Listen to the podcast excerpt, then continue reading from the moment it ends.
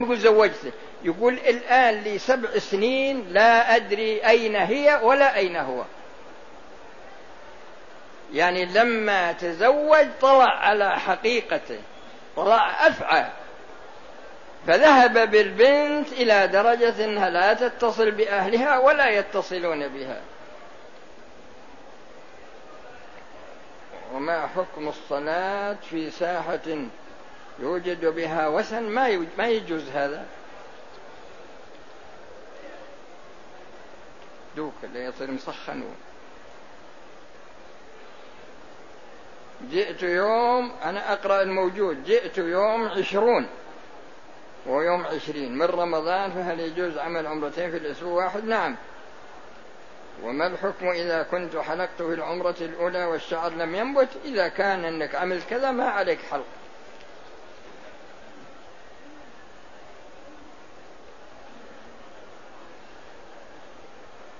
وهذا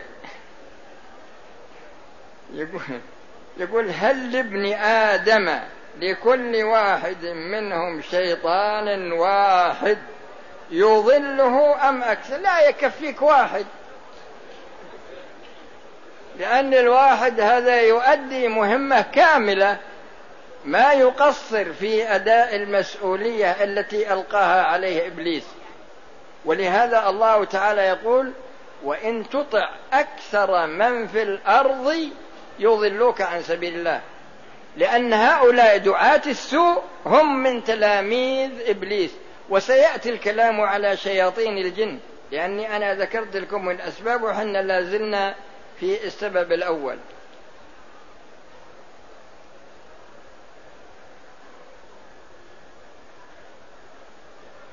يقول ما أدري وش هذا. نمت قبل الأذان وأذن ولم أشعر به واستيقظت.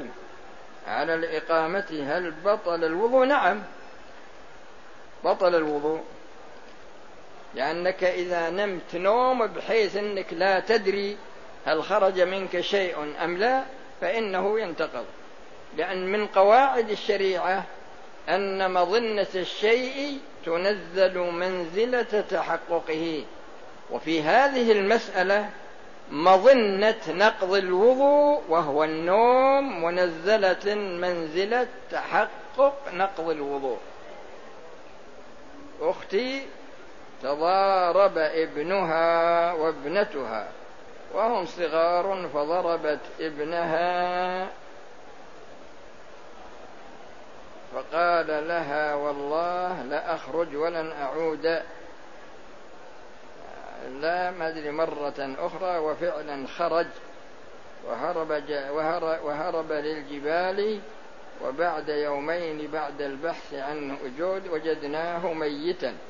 هذا في الحقيقة عندنا مسألة سوء التربية.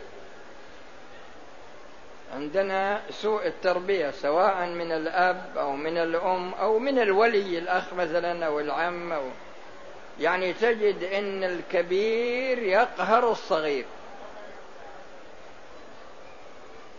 والمفروض أن الكبير يكون بمنزلة الطبيب والصغير هذا يكون بمنزلة المريض. فيعالجه علاجا يتناسب مع وضعه. هذا العمل الذي عملته المرأة هي متسببة. في ذلك فعليها الدية وعليها الكفارة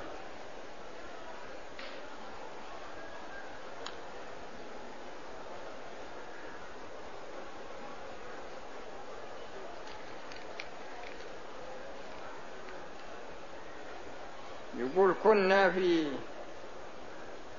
صمنا مصر قبل السعودية بيوم فلو تم الشهر. على كل حال أنت حكمك حكم البلد هنا. وهذا اللي تضارب خلص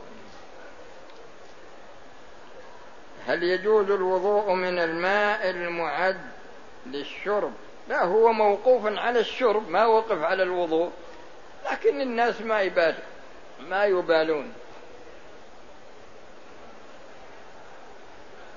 وهذا يقول المعتكف إذا خرج من المسجد لقضاء حاجة مثلا ورجع إلى المسجد فهل يصلي تحية المسجد؟ نعم.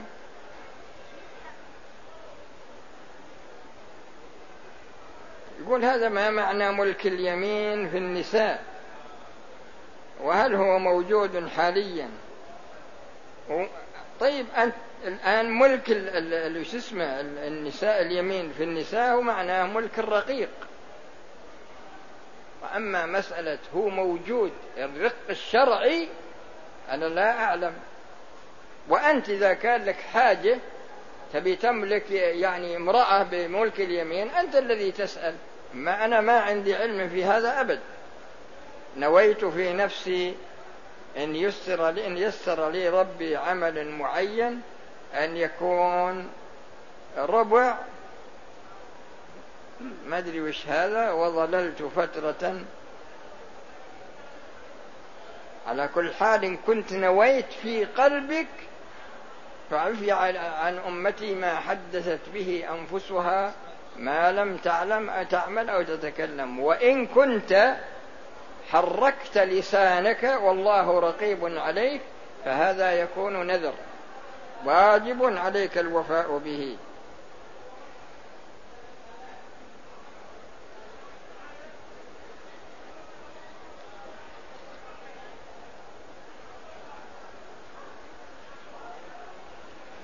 ما حكم من يجلس في صلاة التراويح حتى يكبر للركوع؟ يا أخي المصلون يختلفون.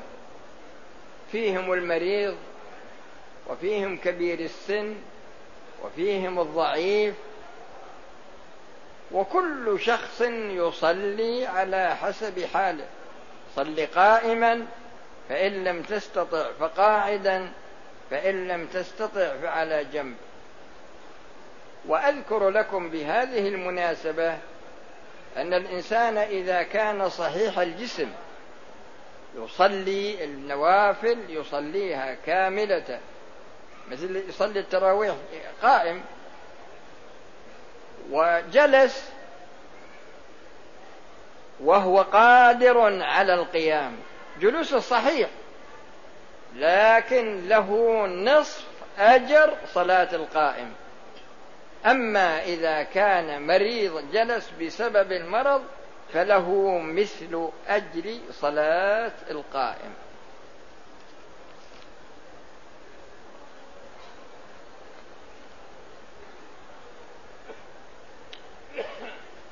لكي يرجع, لكي يرجع المعتمر ويعمل عمرة أخرى لشخص ما متوفى ماذا يفعل؟ هل يرجع مرة أخرى من مكة إلى المدينة؟ لا يحرم من التنعيم لكن إذا كان حيا يخبره قبل ما حكم الشرع في صندوق في مكافأة صندوق الزمالة للمعلمين.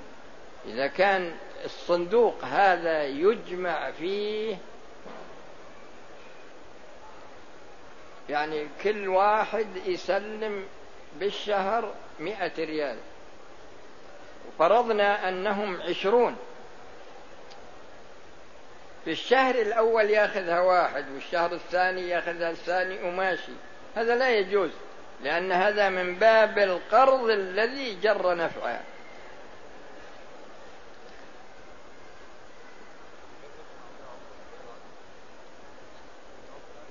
هذا يقول بعض العلماء أفتى أن السبحة بدعة. نعم هي بدعة إذا استعملتها في التسبيح بدلا عن الأصابع بعد السلام.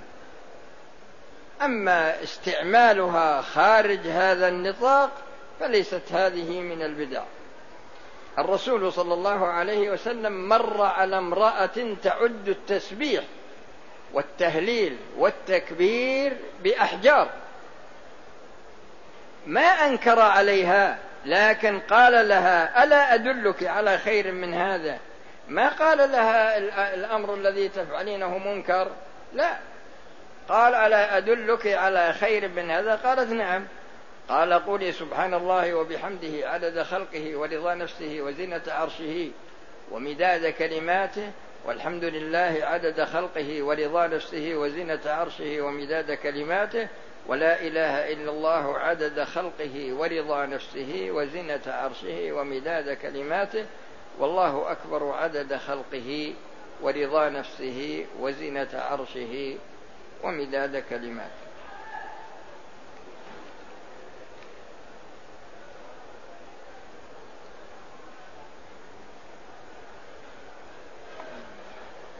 هل الخلاف مع الزوجة؟ يعتبر من من الشحناء ولا ترفع الأعمال بسبب ذلك. أنا أحب أنبهكم على بعض النواحي المتعلقة بالعلاقة الزوجية. فيه زوج وزوجة كل واحد منهما يسعى إلى مصلحة الآخر. بمعنى أنه يستعمل جميع الأمور التي تريح صاحبه وبطبيعة الحال تكون مشروعة ما تكون محرمة. وهذا داخل في عموم قوله تعالى وتعاونوا على البر والتقوى وبخاصة إذا كان لها أولاد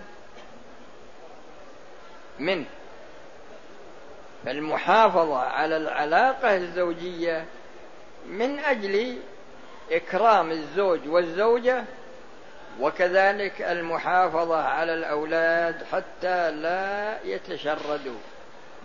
لكن عندنا نوع من النساء تريد إنها تضع الزوج في جيبها.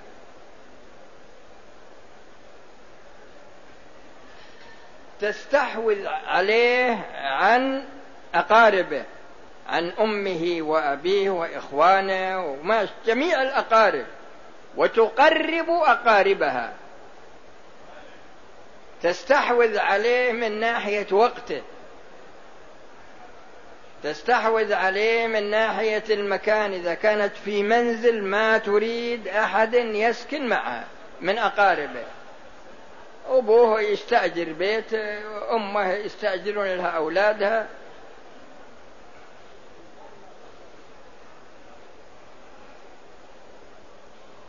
من ناحية الزمان ما تريد أنه يزور واحد واحد يقول لي هو يقول تمنعني من زيارة أمي وأبي. وتستحوذ عليه وهو أعظمها. تستحوذ عليه من جهة ماله. ما تريد إنه ينفق ريال إلا عن طريقها هي.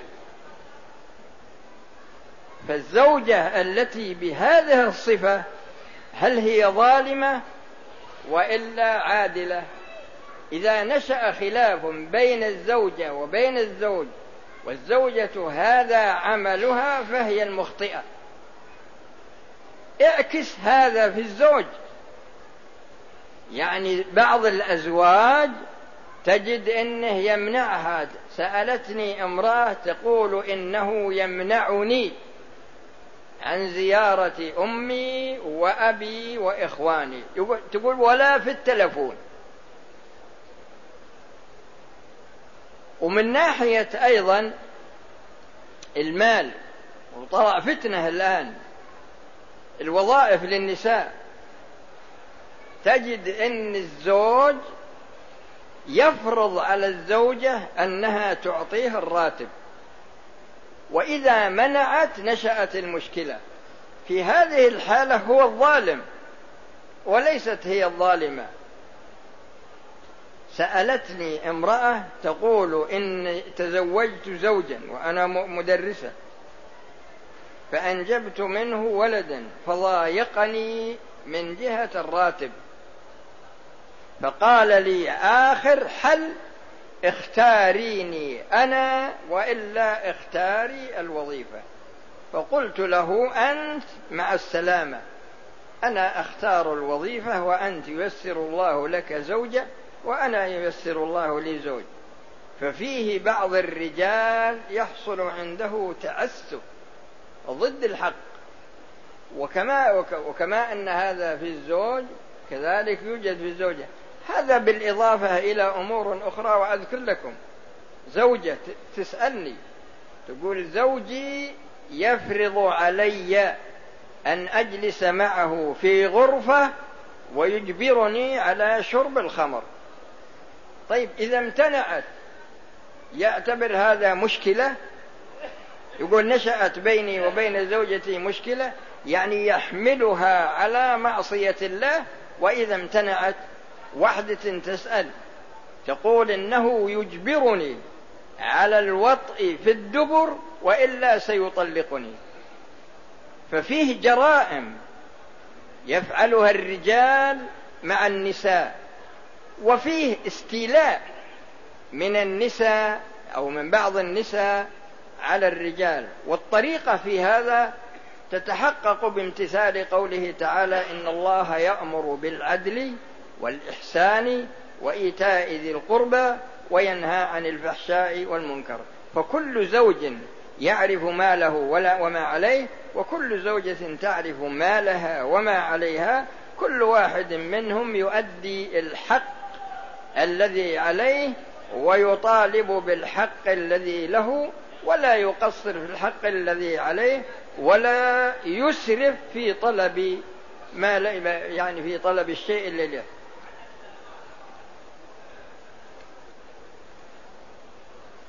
أذكر لكم مثال خلاف بين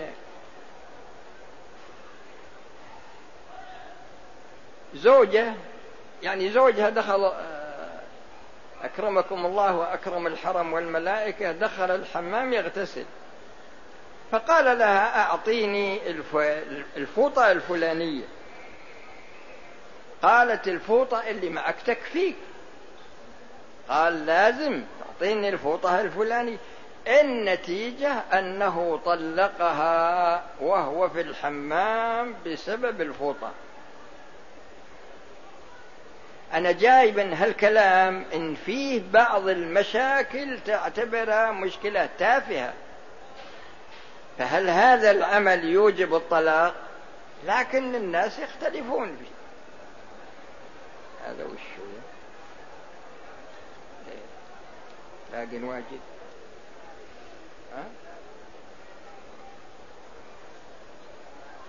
وهذا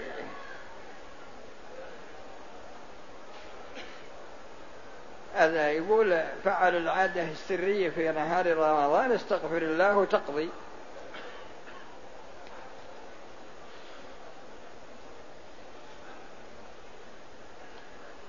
ولكنك تقول قبل سنتين إذا كنت أخرت القضاء إلى الآن تقضي وتكفر عن كل يوم إطعام مسكين.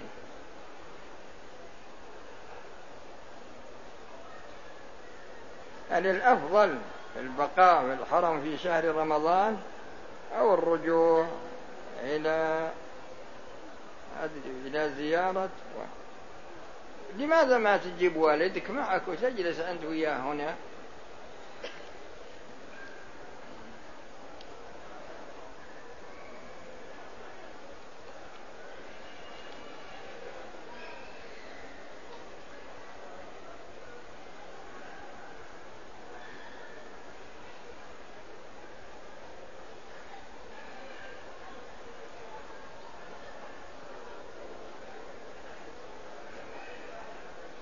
هل يوجد ملك ي...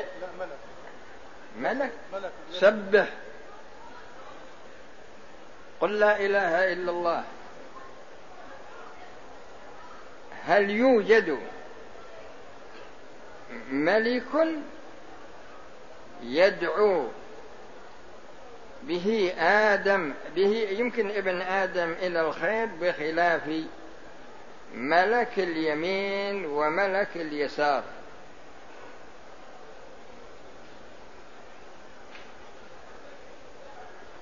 الأعمال الصالحة التي يعملها الإنسان هي التي تقربه إلى الله ولهذا جاء في الحديث القدسي ولا يزال عبدي يتقرب إلي بالنوافل حتى أحبه.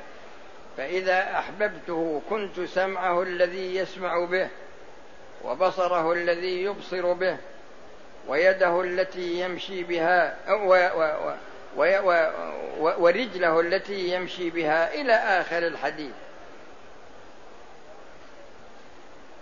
فالشيء الذي يقربك إلى الله ويقوي العلاقة فيما بينك وبينه ويضعف العلاقة فيما بينك وبين الشيطان هي طاعة الله جل وعلا.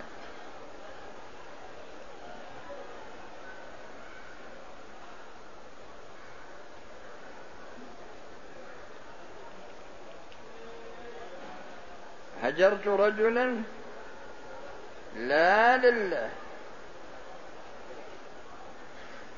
إذا هجرته إذا هجرته لغير الله ما يجوز يكون لحظ النفس. وهذا ملقوف هذا يسأل عن القنوت في صلاة الفجر. قنوت في صلاة الفجر أو الصلوات الأخرى هذا عند النوازل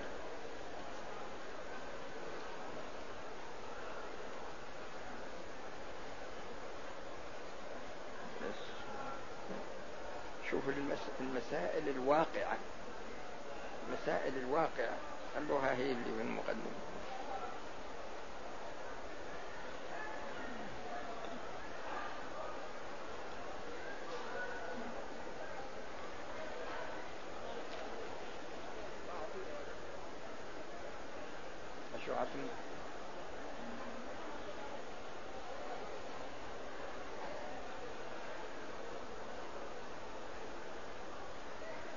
ما حكم استخدام كهرباء الحرام في شحن جوال للضرورة. يا أخي ما عندك ضرورة. وكم من جوال مع الداخلين في الحرام؟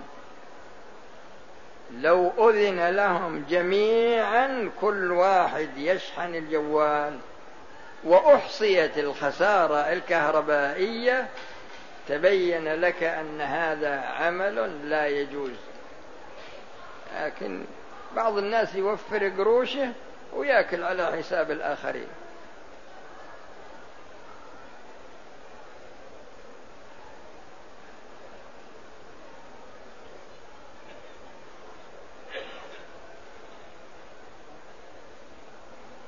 يقول هذا هو أنا أطوف طواف الوداع قبل أصلي الجمعة نعم.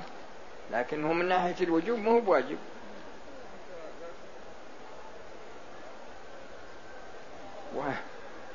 وهذا يقول إنه سعى بين الصفا والمروة أربعة عشر شوط. يمكن أني نشيط. لك سبعة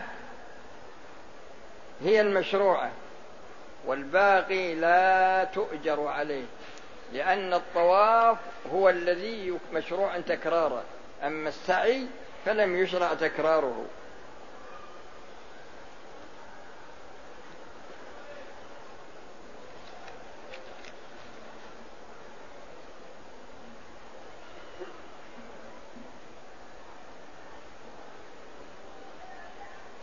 هذا تقول العام في رمضان قبلني زوجي.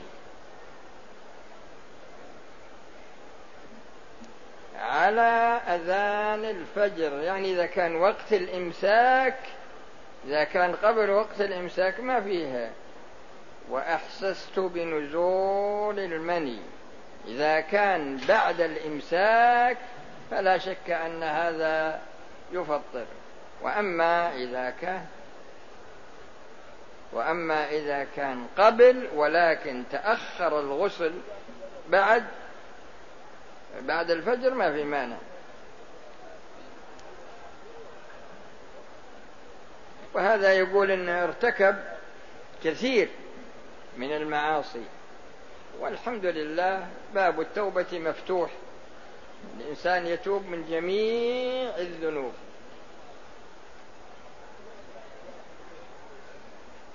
تشاجرت في الحج. هذا العام مع أحد ركاب الباص وذلك أيام التشريق ولم أتحلل التحلل الأخير. فماذا أفعل؟ استغفر الله.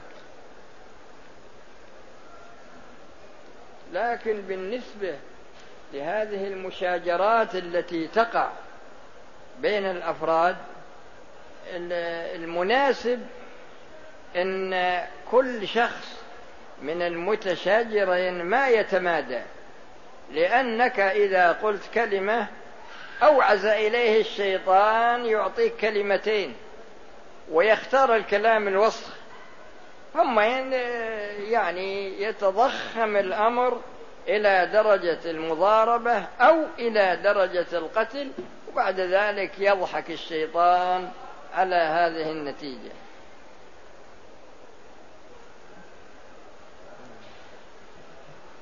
يعني هذا يقول بعتمر عن والدتي وهي كبيرة أخبرها يقول إنها كبيرة ما تستطيع. ما يقول.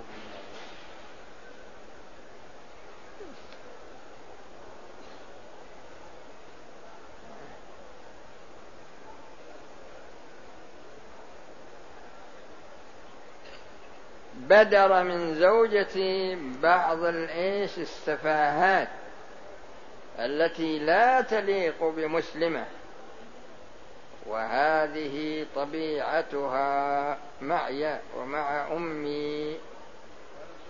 ومنها إساءات. يا أخي إذا كانت هذه المرأة لا تصلح معك في الحياة الزوجية فقد شرع الله الطلاق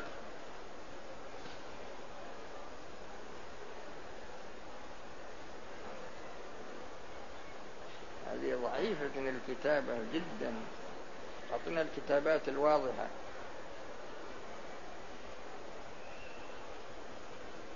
حج وبقي من حجه الطواف والسعي وقبل طواف الإفاضة وسعي الحج أتاه مرض وحين رجوعنا إلى الرياض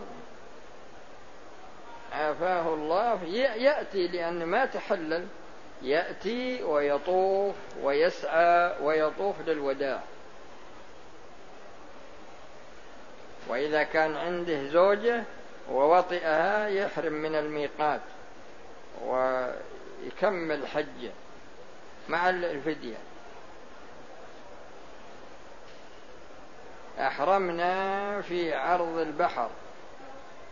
ثم جددنا النية في جدة. إذا كنتم أحرمتم في عرض البحر وهذا العرض الذي أحرمتم منه محاذ لميقاتكم فهذه النية فيها كفاية وتجديدها.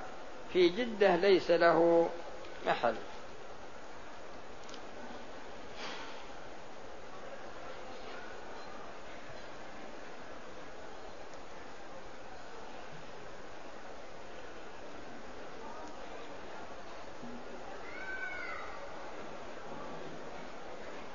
هذا يقول هل يجوز الإنسان يعتمر عن غيره وهو لم يحج ولم يعتمر لا يجوز للإنسان أن يعتمر عن غيره ولا يجوز له أن يحج عن غيره إلا بعد ما يعتمر بنفسه ويحج بنفسه. وهذا يقول لو أراد الشخص العمرة الثانية يطلع خارج الحرم مثل التنعيم مثل عرفة.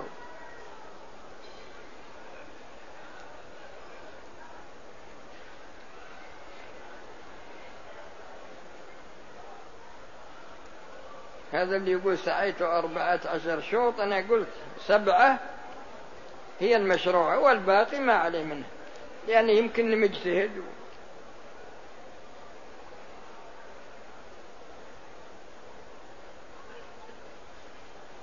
وهذا يقول يشتغل في منصب قضاء في بلد لا تطبق الشريعة. يعني تطبق القوانين الوضعية. والله جل وعلا يقول افحكم الجاهلية يبغون ومن أحسن من الله حكما لقوم يوقنون. ومن لم يحكم بما أنزل الله فأولئك هم الظالمون. ومن لم يحكم بما أنزل الله فأولئك هم الكافرون. وما لا الأول الكافرون. ومن لم يحكم بما أنزل الله فأولئك هم الكافرون ومن لم يحكم بما أنزل الله فأولئك هم الظالمون ومن لم يحكم بما أنزل الله فأولئك هم الفاسقون.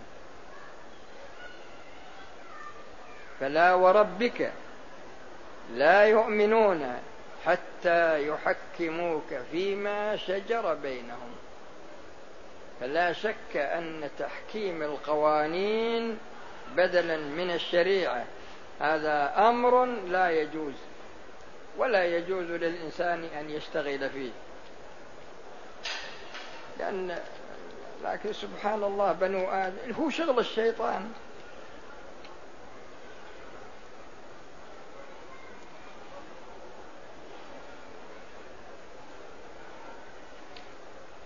هذا يسأل عن الاحتفال بالمولد النبوي. و